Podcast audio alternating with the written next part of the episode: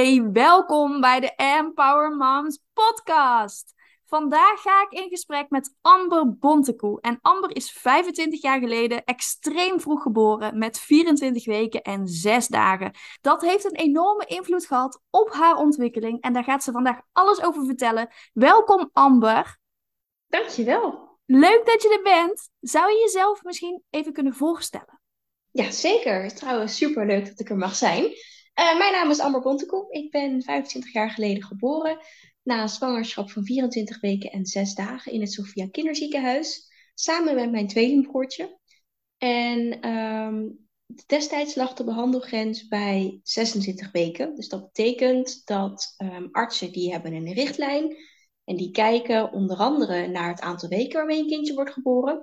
Ze kijken naar het geboortegewicht, voor zover dat te wegen is. En ze kijken naar ja, of het kindje überhaupt een beetje leven in zich heeft. Het klinkt misschien een beetje gek, maar dat zijn drie hoofdcategorieën waar ze naar kijken op het moment dat een kindje wordt geboren. En mijn tweelingbroer en ik waren beide uh, onder de behandelgrens wat betreft het aantal weken.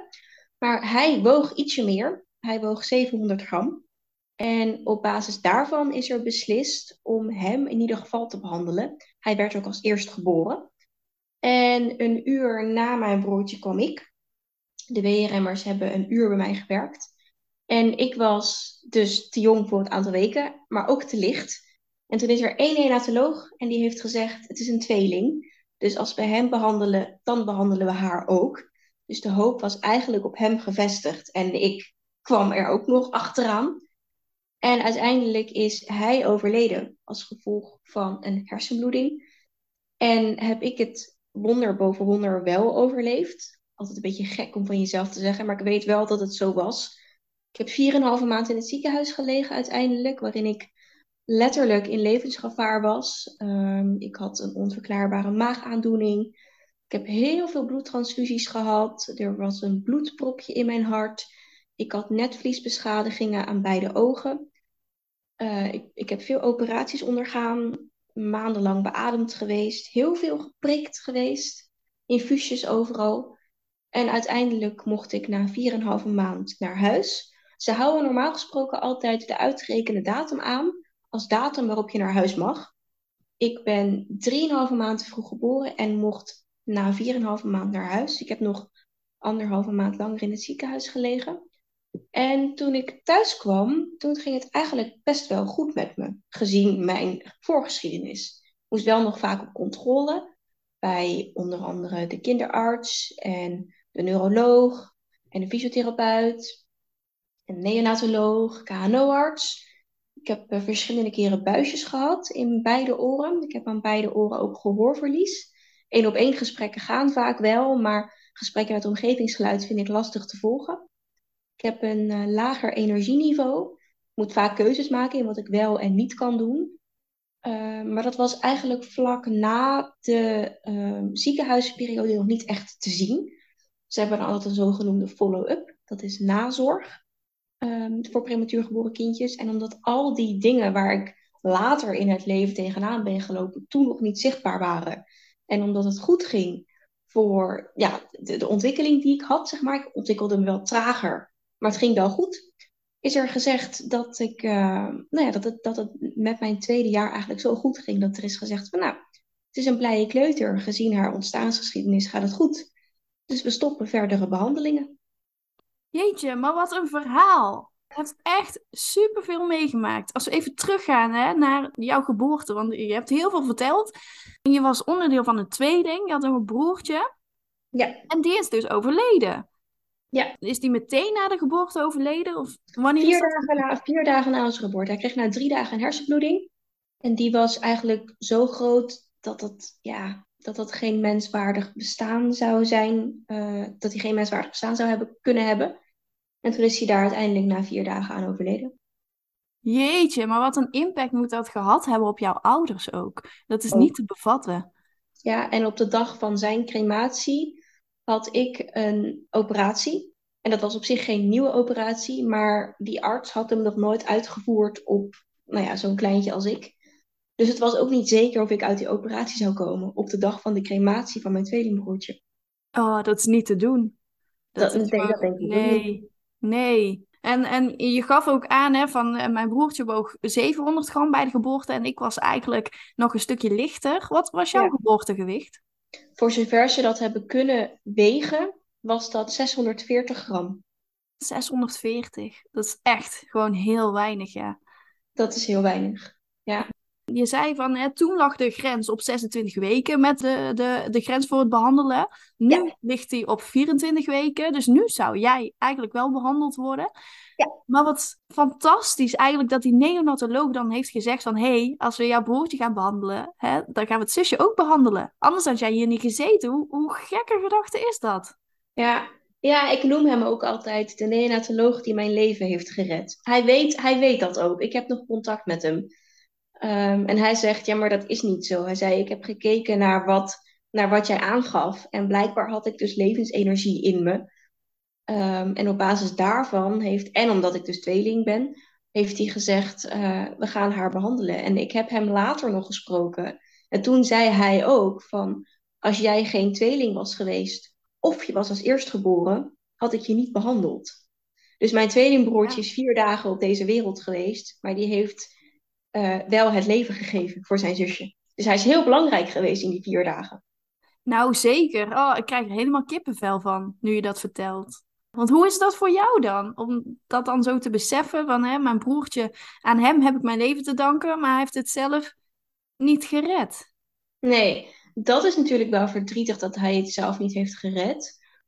Aan de andere kant, ehm, ik, ik heb dat heel lang best wel een soort van, ehm, soort van niet. Ik, ik snapte het als kind niet. Omdat ik dacht, ja, maar als je een wondje hebt op je knie, dan heelt dat toch ook? Was dat dan misschien in zijn hoofd niet? En toen hebben mijn ouders ook gezegd van, nou weet je, dat zijn beschadigingen die ehm, je niet meer kunt herstellen. Dat werkt namelijk anders in een hoofd dan aan een lijf. En ik heb dat best wel lang, best wel moeilijk gevonden. En ik vond het ook heel stom om dan tweelingen op straat te zien. Want ik dacht, ja, maar dat wil ik ook. En ik weet helemaal niet hoe dat voelt. Uh, maar ik heb in de loop van de jaren wel verschillende documentaires gekeken. Waarin je dus ook tweelingen zag. Waarin het met de een eigenlijk, hè, voor de buitenwereld ging het dan voor de een heel goed en voor de ander minder goed. En ik wist dat het voor hem dus nog minder zou zijn geweest. En mijn ouders hebben heel erg gedacht in het belang van hun zoon. En ik denk dat dat sowieso voor iedere ouder dat een vreselijke gedachte zijn. Absoluut. Ook heel goed ja. dat je het vanuit liefde doet natuurlijk, maar het lijkt me geen makkelijke keuze. En toen dacht ik wel, als het bij hem dus nog veel erger zou zijn geweest dan dat ik me eigenlijk überhaupt kan voorstellen, dan is het uit naam van, van liefde voor hem waarschijnlijk een goede keus geweest. Ja, Dus ja wat voor kwaliteit van leven zou die dan gehad hebben? Maar dat hè, dat waarschijnlijk dus echt letterlijk geen. Hij had niks gekund. Ja, precies. Oh, zo'n verdrietige situatie. Daar sta je ook gewoon niet bij stil op het moment dat je dan hè, met een positieve zwangerschapstest in je handen staat dat dit zou kunnen gebeuren. Hoe vaak komt een vroeggeboorte eigenlijk voor? Eh, per jaar worden er ehm, zo'n 12.000 kinderen te vroeg geboren. Maar met, met een nuanceverschil dat eh, je te vroeg geboren bent bij 37 weken. En je bent prematuur geboren bij een zwangerschap van 32 weken. En je bent extreem prematuur bij een zwangerschap van 28 weken of minder. Dus die 12.000 zijn al die kinderen bij elkaar. Hoe, hoeveel er extreem prematuur zijn, dat weet ik eigenlijk niet. Maar dat is ook heel veel, 12.000 per jaar in Ja. Nederland. Ja, ja, ja. ja. Ja, jeetje. Maar jij hebt echt gewoon heel veel moeten doorstaan in die eerste tijd na je geboorte. Je hebt echt moeten vechten voor je leven eigenlijk. Merk jij dat je, ja, merk jij dat je nog steeds een soort van vechter bent? Goeie vraag. Ehm, ja, dat merk ik, zeker. Maar dat is niet altijd positief. Dat, dat benoem ik ook altijd naar andere prematuurgeborenen. Van het is niet zo gek dat wij heel erg graag willen. Te vroeg geborenen worden wel eens pitbulls genoemd. Omdat we ons ergens in vastbijten en gewoon niet meer loslaten. Dat is toch dat vechten wat wij in ons hebben. En dat is niet zo gek.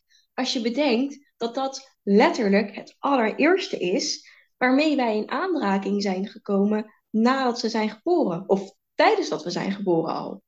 Ja, ik ben zelf ook prematuur geboren, niet zo extreem vroeg als jij, maar met 34 weken. En Mhm. ik heb ook echt gevochten. En ik merk dat nu nog steeds dat ik ook een doorzetter ben en dat ik niet snel opgeef. En inderdaad eh, mezelf vastbijt in dingen, omdat ik denk van ja, het moet gewoon lukken. En dan lukt het ook. Ja, ik denk dat heel veel prematuur geboren kinderen dit hebben inderdaad. Omdat ze dat vanaf het begin al aan hebben moeten doen. En, en hoe is dat dan voor jou? Dat je je blijkbaar dus van jezelf waarschijnlijk zo moet vastbijten in iets totdat het lukt. Is, is het moment van het lukt niet, voelt dat dan ook meteen als falen? Nou, dat niet. Eigenlijk lukt het dan meestal wel. Op het moment dat je dan echt iets wil en je er echt in vastbijt, dan doe je er ook alles aan om het te laten slagen. Dus dan is opgeven of het niet lukken geen optie. Dus dan op, op een of andere manier lukt het dan toch altijd wel om het voor elkaar te krijgen. Gaat het niet eh, linksom, dan gaat het wel rechtsom, zeg maar. Dus ja, nee, voor mij is dat eigenlijk wel een, een positieve eigenschap.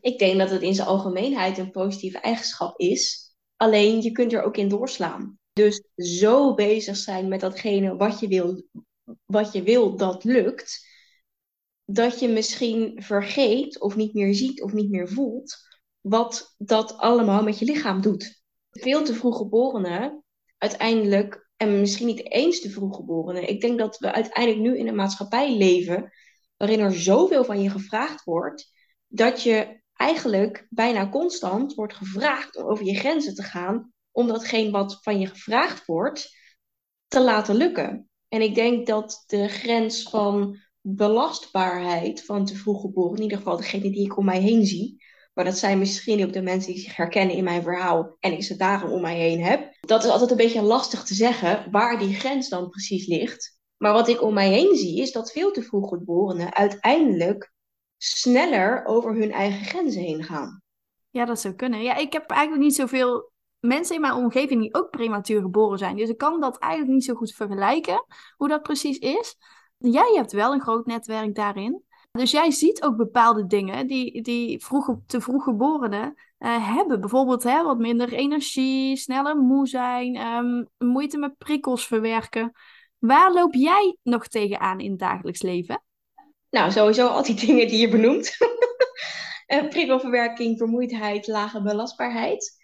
Um, ik heb een kleine rolloninhoud. Daar heb ik op zichzelf niet zo heel veel last van, maar dat is meer een gegeven. Ben motorisch een beetje onhandig. Dat was met gym op school nooit zo heel erg uh, fijn.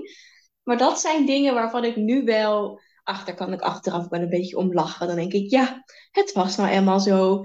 Wat ik, wat ik vooral lastig vind, is dat de dingen waar ik moeite mee heb... niet altijd door de buitenwereld in één keer gezien wordt. Waardoor ik snel word overschat. En dat ligt niet aan de buitenwereld. Dat is gewoon een gegeven. En dat uitzicht voor mij bij, uh, voornamelijk in het feit dat ik moeite heb met overzicht houden. Oorzaak en gevolg zien. Uh, logisch nadenken. Automatiseren. En dat zijn eigenlijk dingen die in het dagelijks leven echt verweven zijn. Dus dat wat voor anderen misschien super logisch is. Of heel makkelijk te verklaren. Of iets wat ze gewoon even doen. Daar moet ik vaak bij nadenken. En daar komen dan nog de andere nadenkvragen binnen het leven bij. Waardoor je dus ook weer sneller vermoeid bent. En zo heeft het, is het allemaal een beetje met elkaar verweven. Ja, precies. Want wat voor de een automatisch gaat, daar moet jij dus heel hard bij nadenken. Nou ja, om een voorbeeld te noemen. Als je in een auto zit of op de fiets zit en je staat bij een kruising. Dan weet ieder ander waarschijnlijk, rechts heeft voorrang. Dus ik moet even stoppen. Ik moet nadenken, wat is rechts? Dan moet ik eerst naar mijn handen kijken, dan weet ik het vaak nog niet. Ik moet echt nadenken, wat is rechts? Oh ja, dit is rechts. Oké, wat betekent dat dan? Oh ja, dan moet ik even wachten. En als hij van links komt, oh nee, nou mag ik doorrijden. En als er meerdere auto's zijn, dan moet ik echt nadenken. Nou weet je, dan zijn die auto's bij wijze van spreken al tien keer langs gereden. Daar loop ik echt tegenaan. En dan heb je het nog maar over het verkeer. Dat, is, dat kan onveilige situaties opleveren. Maar het zit ook in mijn dagelijks leven. Wanneer doe ik de afwas? Oh ja, mijn, mijn, mijn, mijn koelkast is leeg. Ieder ander zou van tevoren al zien dat die koelkast leeg begint te raken en dat er spullen gekocht moeten worden. ik heb het regelmatig gehad dat ik echt trek had nadat ik wakker werd. Dat ik dacht, ik wil gaan eten. En dat ik erachter kwam, ik heb geen eten meer in huis. Ja, en dat heeft superveel invloed natuurlijk. Ja. Als dat gebeurt, dan start je de dag al meteen met zo'n negatief gevoel van shit, ik wil eten, maar ik moet eten halen. En dat heeft dan ook weer een effect. En is dit bekend bij mensen dat het zulke lange termijn gevolgen kan hebben? Het begint steeds bekender te worden. Wat ik merk is, ehm, met mijn platform, Klein Meisje Maakt een Reisje, spreek ik eigenlijk drie doelgroepen aan, die mij ook weer aanspreken. Dus dat zijn de te vroeggeborenen zelf, de ouders en onderzoekers. En ik merk heel erg bij die onderzoekers dat er echt wel bekendheid is over langetermijngevolgen, maar dat dat heel erg binnen hun eigen kring blijft. Dus bijvoorbeeld ehm, mensen die hersenen onderzoeken, daar is heel veel kennis over de hersenen van prematuur geborenen, maar die blijft daar ook heel erg. En datzelfde geldt bijvoorbeeld voor fysiotherapeuten. Dus er is kennis, alleen er is nog geen kruisbestuiving plaatsgevonden, laat ik maar zo even noemen. Dus dat, dat maakt het jammer. En tegelijkertijd denk ik, nou weet je, laat mij dan maar met mijn platform um, in ieder geval het, het, centrum zijn. Of in ieder geval degene die dan informatie verspreidt van de ene naar de andere kant. Ja, een hele mooie missie. En super belangrijk. Want eigenlijk voordat ik jou had gesproken, toen stond ik er ook niet echt bij stil van wat prematuriteit voor effect kan hebben op je latere leven. Want je denkt van, hè, je bent uit het ziekenhuis en natuurlijk word je die eerste paar jaar nog steeds uh, gecontroleerd. Hè. Je moet op controle komen, er wordt grondig onderzocht om te kijken of alles al goed is. Maar je zei zelf ook net, hè, van na twee jaar stopte dat toen. In mijn geval, hè. Inmiddels is het tot het achtste jaar en in sommige ziekenhuizen tot het tiende jaar. Nou, dat is in ieder geval al een stuk beter. Maar dan nog, hè, ook op latere leeftijd kun je nog steeds effecten ondervinden. Dus en ze kunnen ook later in het leven pas ontstaan. Ja. En dat kan allemaal te maken hebben met die vroeggeboorte. Ja, maar herken het dan maar eens dat dat komt door je vroeggeboorte. Dat lijkt me ook best wel lastig. Nou, ik zie regelmatig mensen die 30, 40, 50 zijn. En dan pas die klachten relateren aan hun ontstaansgeschiedenis. En wat, wat heeft jou geholpen? Want jij, jij had net een lijstje hè, met waar jij tegenaan loopt, wat voor klachten jij ervaart. Net zoals bijvoorbeeld wat bij andere mensen makkelijk gaat en dat dat bij jou wat moeizamer verloopt. Wat helpt jou om daarmee om te gaan? Oeh, um, dat zijn eigenlijk verschillende dingen. Ik heb een supergoed vangnet. Mijn ouders zijn echt de beste. dat zeggen, dat hopelijk zegt iedereen dat van hun eigen ouders. Maar zij hebben de vroeggeboorte altijd serieus genomen. En nooit, um, die, die zijn dat onderwerp nooit uit de weg gegaan. Dus ik mocht ze ook altijd alles vragen. En ze hebben mij um, heel erg gestimuleerd om dingen zelf te doen. Zagen ook dat ik het moeilijk vond. Dus hebben me heel erg geholpen bij datgene wat ik nodig had. Datzelfde geldt voor mijn basisschool. Die hebben heel erg benoemd wat ik kon. En die hebben ondersteund waar het nodig was dat zijn dingen die voor mij heel erg hebben geholpen. Ik heb inmiddels super lieve vrienden om mij heen die mij helemaal accepteren in wie ik ben. En me dus ook op die manier heel erg helpen. Dus het vangnet van mensen om je heen helpt. Maar uiteindelijk moet het wel vanuit jezelf komen. En daar heb ik wel veel hulp bij gehad. Ik ben opgenomen geweest in een kliniek. Um, mede omdat ik, klacht, of omdat ik klachten had opgebouwd. Mede veroorzaakt door die vroeggeboorte. Uh, omdat het uiteindelijk is het gewoon een traumatische ervaring voor um, ouders, maar ook voor het kind zelf. En dat kan verwerkt moeten worden. Daar heb ik hulp bij gehad. En die mensen daar, met de verschillende therapieën die ik heb gehad, hebben mij ook weer geholpen in het verwerkingsproces. En in de laatste jaren ben ik het eigenlijk echt zelf gaan doen. Dus ben ik zelf ja, actief um, mijn, mijn binnenste gaan opruimen, zeg maar. Laat ik het zo maar even noemen. En dus het zijn eigenlijk drie elementen. Het, het, het komt vanuit jezelf, dat is heel belangrijk. Het feit of je een fijn vangnet om je heen hebt. En professionals die je de weg wijzen. Ja, want inderdaad, ook wat je net zei, van, ook voor het kind is het heel traumatisch. Ook al maak je het als kind nog niet bewust mee, hè? Wat heeft jou dan geholpen voor therapie om daarmee om te gaan? Want ik kan me voorstellen dat dat heel lastig is als je er niks meer van weet. Dat klopt. En ik heb ook altijd gezegd, ja, maar waarom zou ik die vroeggeboorte moeten verwerken? Want ik weet er toch niks meer van. Maar het lichaam onthoudt wel wat er gebeurd is. En ik denk dat dat een hele belangrijke is om mee te nemen. Wat mij voor de rest heeft geholpen is ehm, in de kliniek was het één kliniek met heel veel verschillende disciplines. Dus het waren psychologen en fysiotherapeuten, maar ik kreeg ook kunstzinnige therapie. En ik kreeg therapie waarin we heel veel moesten bewegen. En sowieso het brede veld van therapeuten heeft mij heel erg geholpen. En het bewust moeten praten over wat die vroeggeboorte met mij doet. Want ik heb dat altijd een onderwerp gevonden waarvan ik dacht, ja, uh, dat zal allemaal wel, hoef ik niet over te praten, is geweest, klaar. Het feit dat je er zo over denkt, zegt natuurlijk al wel iets.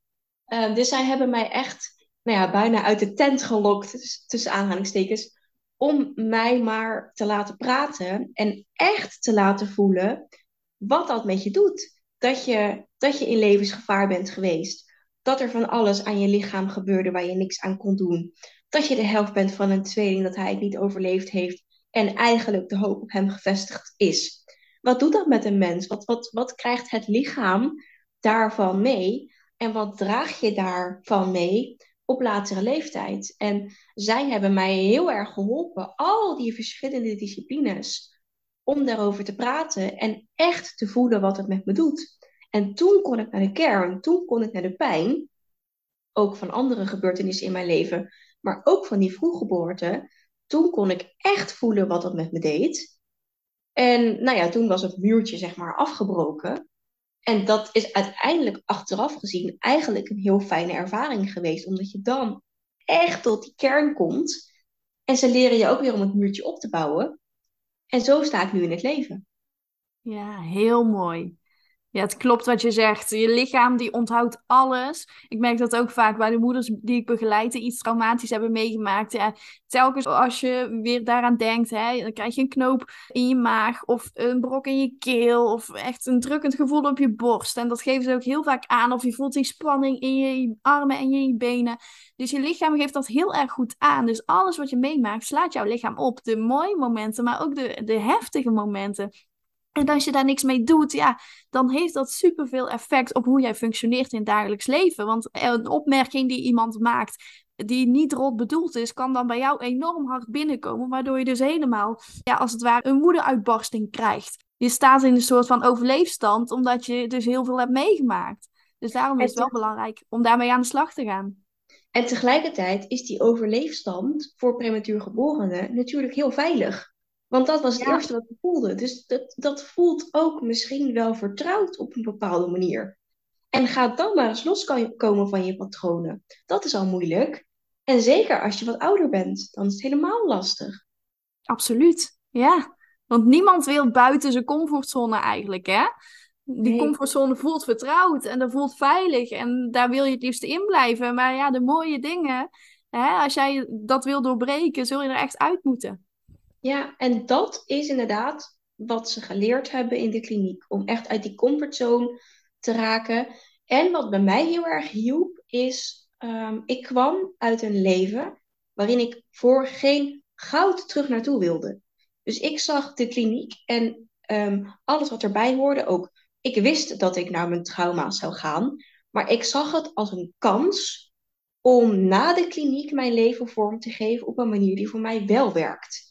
En dat was eigenlijk haaks op de overige mensen in de kliniek, want die kwamen vaak uit een leven waarin ze vroeger dingen konden en dat nu niet meer konden. En zagen de kliniek als een kans om die dingen die ze vroeger deden weer opnieuw te kunnen. Terwijl je eigenlijk in de kliniek leert ehm, hoe ga je je leven vormgeven met die dingen die je hebt gekund, maar die je misschien niet meer kan.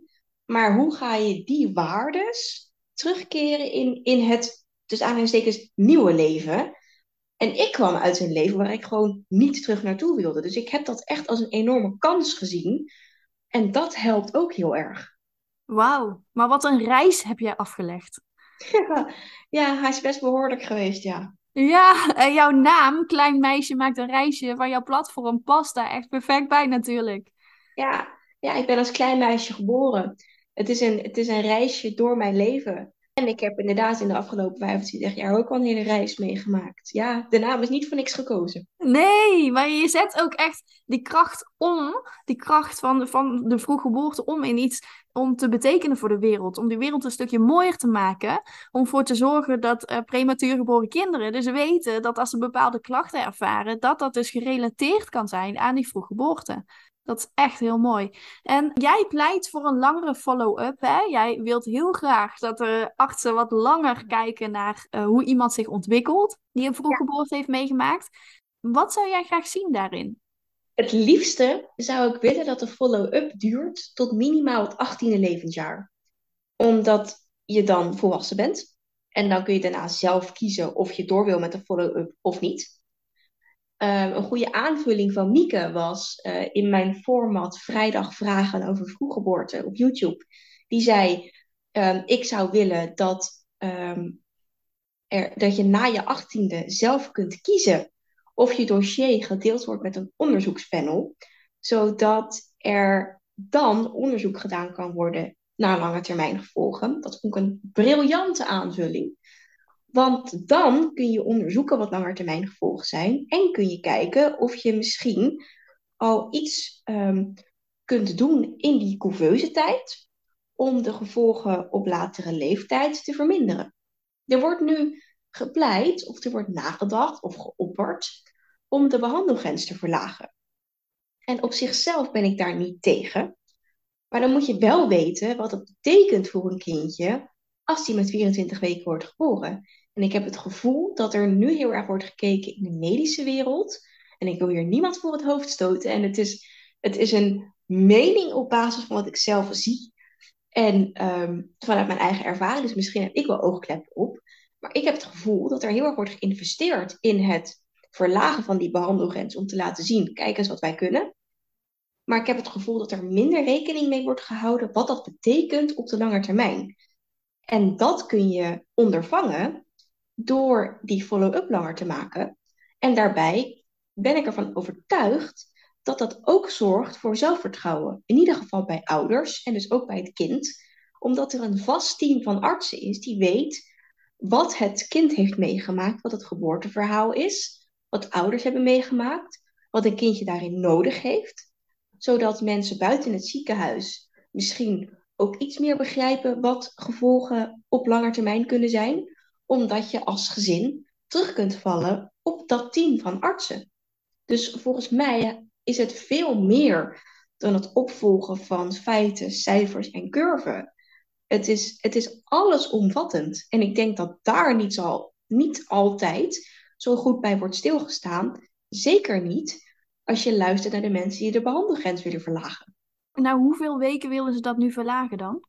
Um, het, is, het is nu bij 24 weken de behandelgrens. Dus dat betekent dat als een kindje met 24 weken wordt geboren, dat er actief wordt behandeld. Hè, als het de keuze van ouders is, maar over het algemeen is dat de keuze van ouders.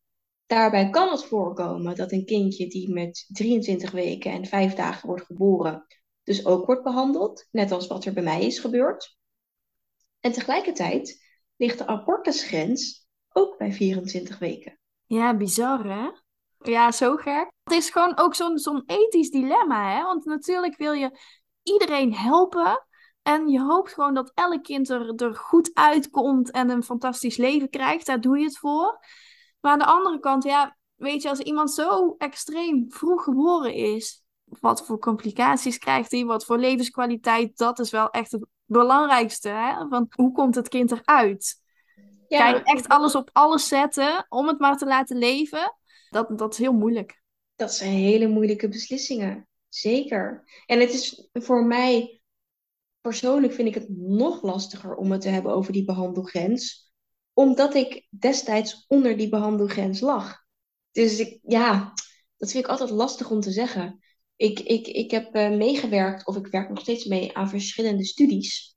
Waarin um, ook de vroeggeborenen echt een stem krijgen. Dus hulde voor de Tiny-studie waarin het ook over behandelgrenzen ging. En een aantal die dus um, boven die grens zijn geboren, dus zeg maar op de grens van levensvatbaarheid, hadden daar een heel stellige mening over.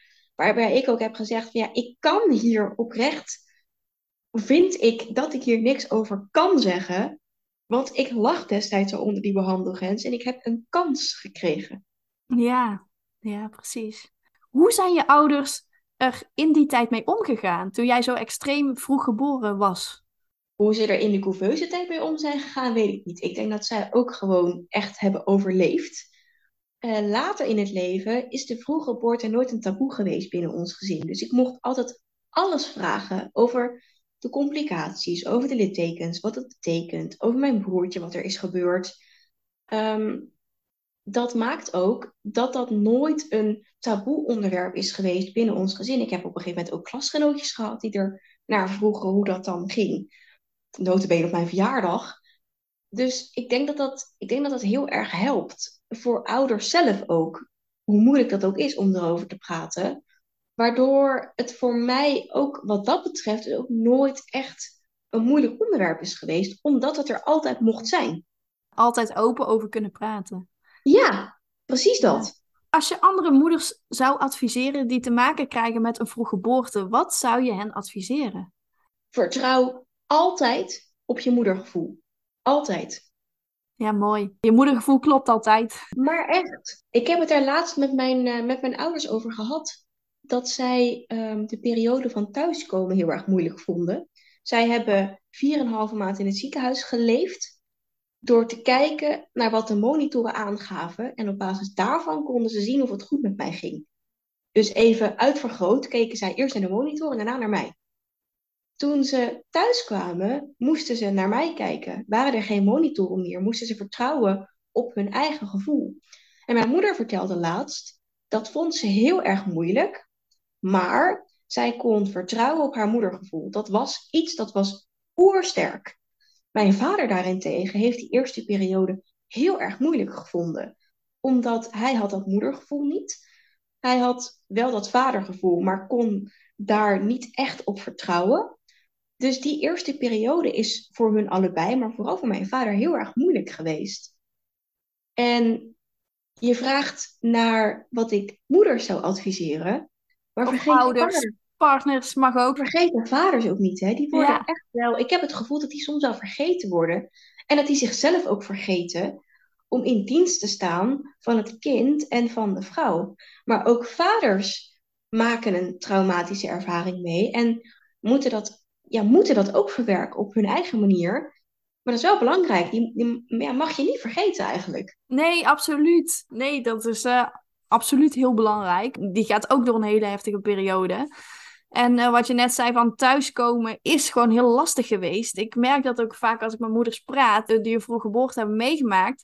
Die geven dat ook aan van, hè, vroeger kon je vertrouwen op de expertise van het ziekenhuis, op de verpleegkundigen, op de piepjes. En nu moet je het allemaal alleen doen. En hè, als je je kindje in bed legt, dan hoop je dat je kindje de volgende dag er nog steeds is. Want je hebt al die tijd natuurlijk uh, vol spanning gezeten van, hè, gaat je kindje het redden? Hoe komt het eruit? om dat dan thuis in je eentje te doen, dan is dat gewoon een hele opgave.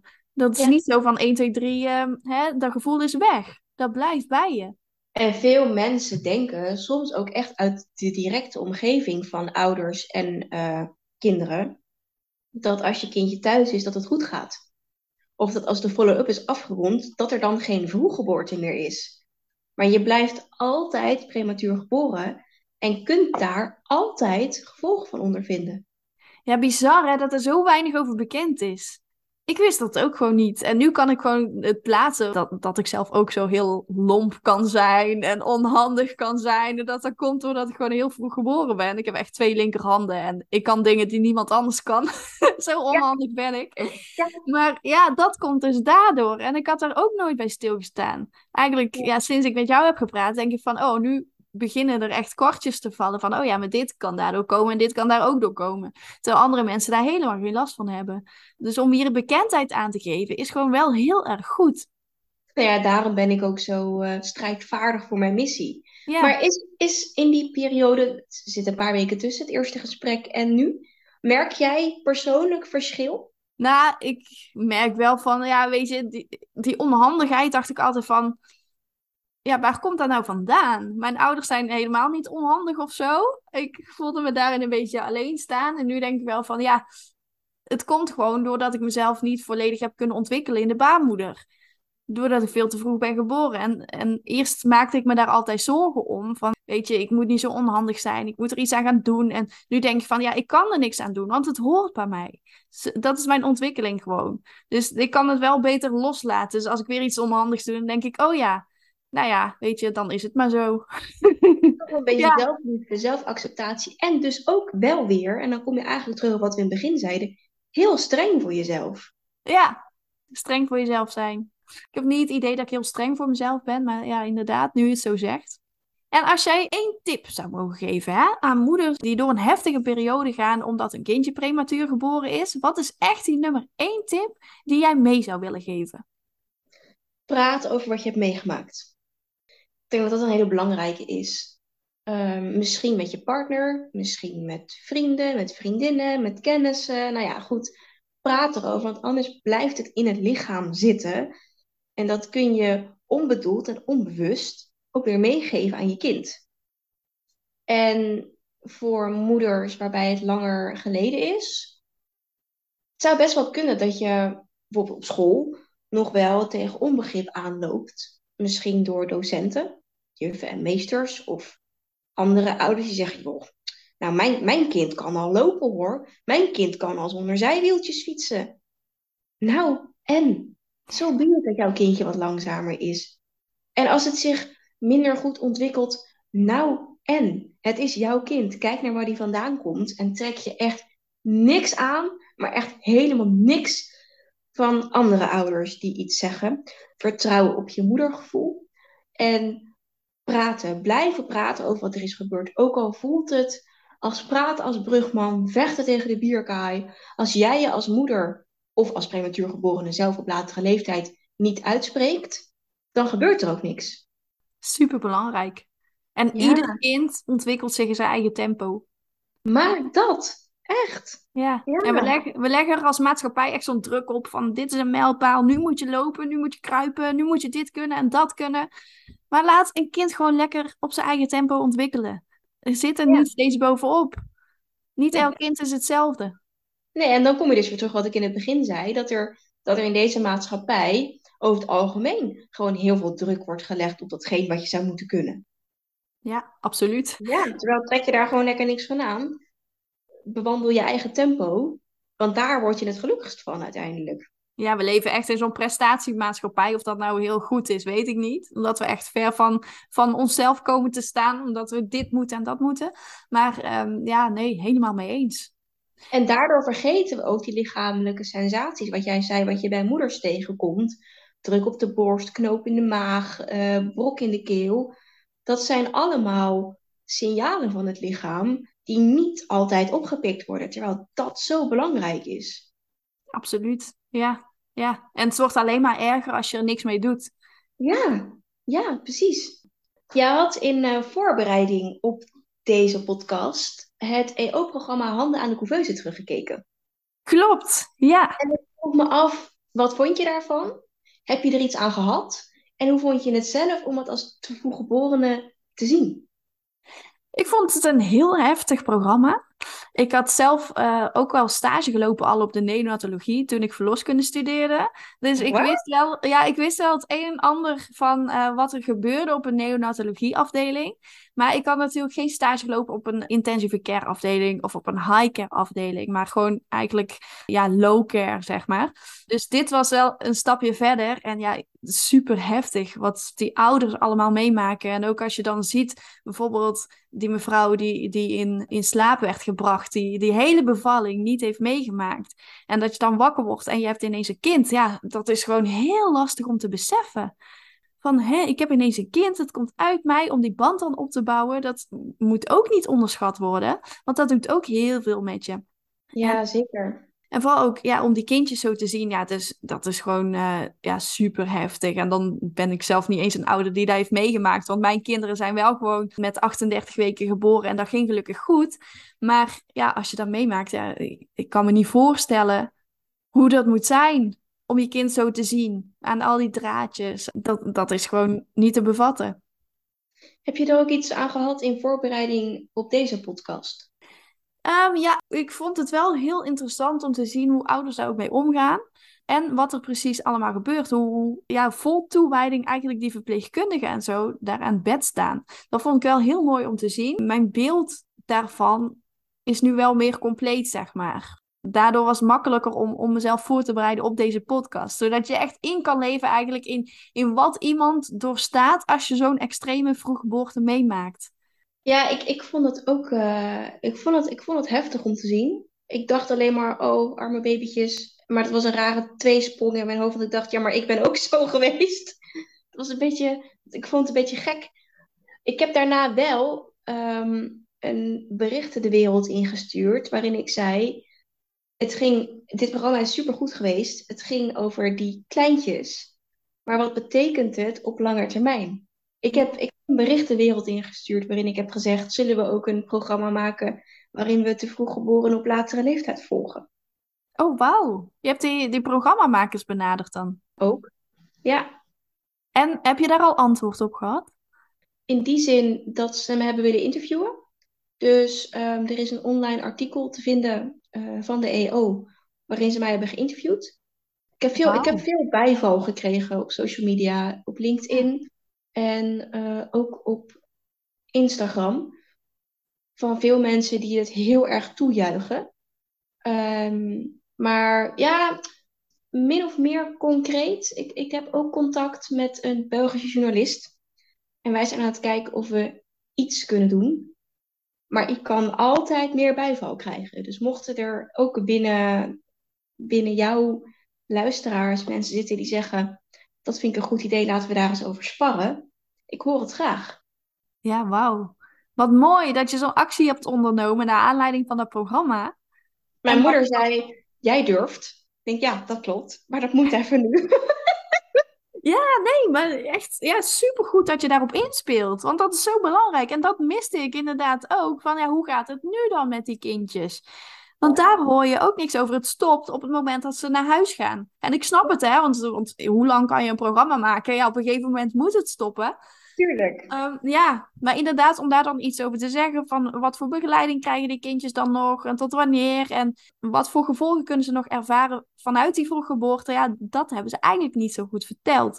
En, ja, ehm, ze hebben, ze, hebben, ze hebben mensen aan het woord gelaten die in, de follow, in het follow-up traject waren. Ehm, dat waren kindjes, volgens mij tussen de 1 en de 3. Waarin er eigenlijk wordt verteld, net als bij mij, het gaat goed. En nou ja, misschien ontwikkelen ze zich trager, maar het gaat goed.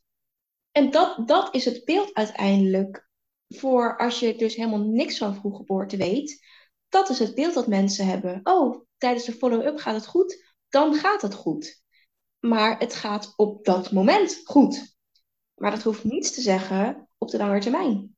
Jazeker. En er kwam ook een stukje voorbij over ouders die dan begeleid werden door de psycholoog. Dat vond ik dan wel heel goed. Ehm, dat daar inderdaad aandacht aan wordt besteed. Van hè, het, het, is niet niks wat je meemaakt. En vooral als je dan uit die situatie bent, op het moment dat je kind dus naar huis gaat, dan komt die rust. En pas dan besef je van, oeh, het is niet niks wat ik heb meegemaakt. Ik voel nog van alles. Er zit heel veel spanning. Hè? Het, is heel traumatisch geweest. En dan pas komt het moment dat mensen gaan beseffen van... ja, ik moet hier iets mee doen. Want het heeft zoveel impact gehad op mijn leven en nog steeds. Dus dat vond ik wel heel goed dat ze daar aandacht aan besteden. Maar inderdaad, dat stukje van uh, de follow-up voor de prematuur geborene zelf... is iets wat, uh, wat beter kan. Ik denk het wel. Nou ja, en daar pleit ik voor met mijn platform. Ja, heel mooi. En zo nodig. Ik ben heel benieuwd als er een programma komt. Laat me ook vooral weten hè, over die langere follow-up voor prematuur geborenen. Want dat is ook super interessant. En dan kunnen we daar ook wat meer aandacht aan geven. Dus ik ben heel benieuwd. Ik ook. Ik hoop echt dat er iets uitkomt. Want het is echt, het is echt een belangrijk onderwerp. En net als bij te vroeggeborenen is er ook over dit onderwerp weinig bekend. Maar je kunt wel inspringen in een, in een, in een, in een behoefte. Zeker, ja. En hoe was dat voor jou dan om, om als extreem te vroeg geborene die kindjes zo te zien liggen? Ja, ik vond het heel gek. Omdat ik dacht, oh, arm, arm kindje, wat heb je pijn? Oh, wat zielig. Oh, gosje. En tegelijkertijd dacht ik, dit heb ik ook allemaal zelf doorstaan. Het was een beetje alsof ik nu met volwassen ogen naar mezelf aan het kijken was. Alsof je je dan pas een soort van echt realiseert wat je hebt doorstaan. Ehm, ja, ik vond het wel heftig eigenlijk. Ja, ik, ik, ik, heb, ik heb goed contact met eh, vier andere prematuurgeborenen. Ehm, wij werken ook geregeld samen met elkaar. En wij, wij hebben het er met z'n allen ook over gehad. Van wat, wat vinden we daar nou van? En een aantal zeiden ook van ja, ik kan er gewoon echt niet naar kijken. Het is heel raar als je iets van jezelf dus niet kunt zien. Maar dat zegt dus ook iets over het trauma wat het kind zelf met zich meedraagt. Absoluut. Dat komt heel dichtbij. Ja, dat raakt je enorm. En dat maakt het programma ook zo goed. Dat ze het, ze hebben het niet opgeblazen, ze hebben laten zien zoals het is. En dat is al heel heftig. En ze hebben het ook niet mooier gemaakt dan het is. Ze hebben gewoon, dit is het, punt. Dus dat is echt heel goed aan het programma. Ja, en vooral ook dat het de ene dag beter kan gaan dan de andere dag. Hè? Dat het eigenlijk per uur kan verschillen. Dat het ene uur je kind het heel goed doet en het volgende uur dat het kantje boord is. Dat, dat is gewoon super intens. Ja, ja, je wordt echt als ouders meegesleurd in alles wat er gebeurt. Ja, en uh, ja, hoe ga je daarmee om? Kun je dan wel genieten van je kind op dat moment? Dat is ook heel lastig. Ja, en, en ga dan maar eens een band opbouwen. Want veel, pro, veel prematuurgeborenen hebben ook hechtingsproblematiek. Ja, na het programma van Handen aan de couveuse is het misschien wel te snappen als je je realiseert wat er allemaal is gebeurd. En dat je niet bij veilig bij mama op de borst uh, kon, maar dat je in een glazen kooi werd gestopt met enorm grote handen die af en toe naar je toe kwamen. Dat is het uiteindelijk. Ja, dat is het. Je ligt daar in je eentje. Ja. Hoe bizar. Ja, en wat ze ook zeiden, van eh, af en toe, ja, die begrenzing hebben ze ook nodig. Omdat het in de baarmoeder is het natuurlijk ook best wel klein. Dus dan voelen ze zich ook geborgen. Dus dat is ook super belangrijk. Het is nodig, hè? het kan niet anders. Zonder couveuse overleef je niet. Maar ja, wat voor effect heeft dat inderdaad? En als moeders meer over jou willen weten, waar kunnen ze dan meer over jou vinden? Op mijn website, kleinmeisjemaaktenreisje.nl. En ook op mijn socials, Instagram, Facebook met dezelfde naam, Klein Meisje Maakt een Reisje. En op mijn YouTube kanaal deel ik informatieve video's. Ik film over mijn leven, um, heb gesprekken met anderen, allemaal onder de naam Klein Meisje Maakt een Reisje. Ja, zeker interessant om te volgen. Dankjewel Amber voor jouw openheid, voor jouw verhaal, voor het pleiten voor die langere follow-up, want het is zo nodig. Jij bent zo nodig hierin. het is super goed dat je dit doet. Dankjewel voor het gesprek. Ja, graag gedaan. Ik ben ook uh, enorm gemotiveerd om ermee door te gaan. En uh, dankjewel voor het compliment. Ja, zeker blijven doen, doorgaan. Ik wil jullie ook allemaal bedanken voor het luisteren naar deze podcast. Wil je meer weten over Amber? Ga dan dus naar uh, kleinmeisjemaaktenreisje.nl. En wil je meer weten over mij of over wat ik voor je kan betekenen? Ga dan naar empowermoms.nl. Dankjewel voor het luisteren en tot de volgende keer.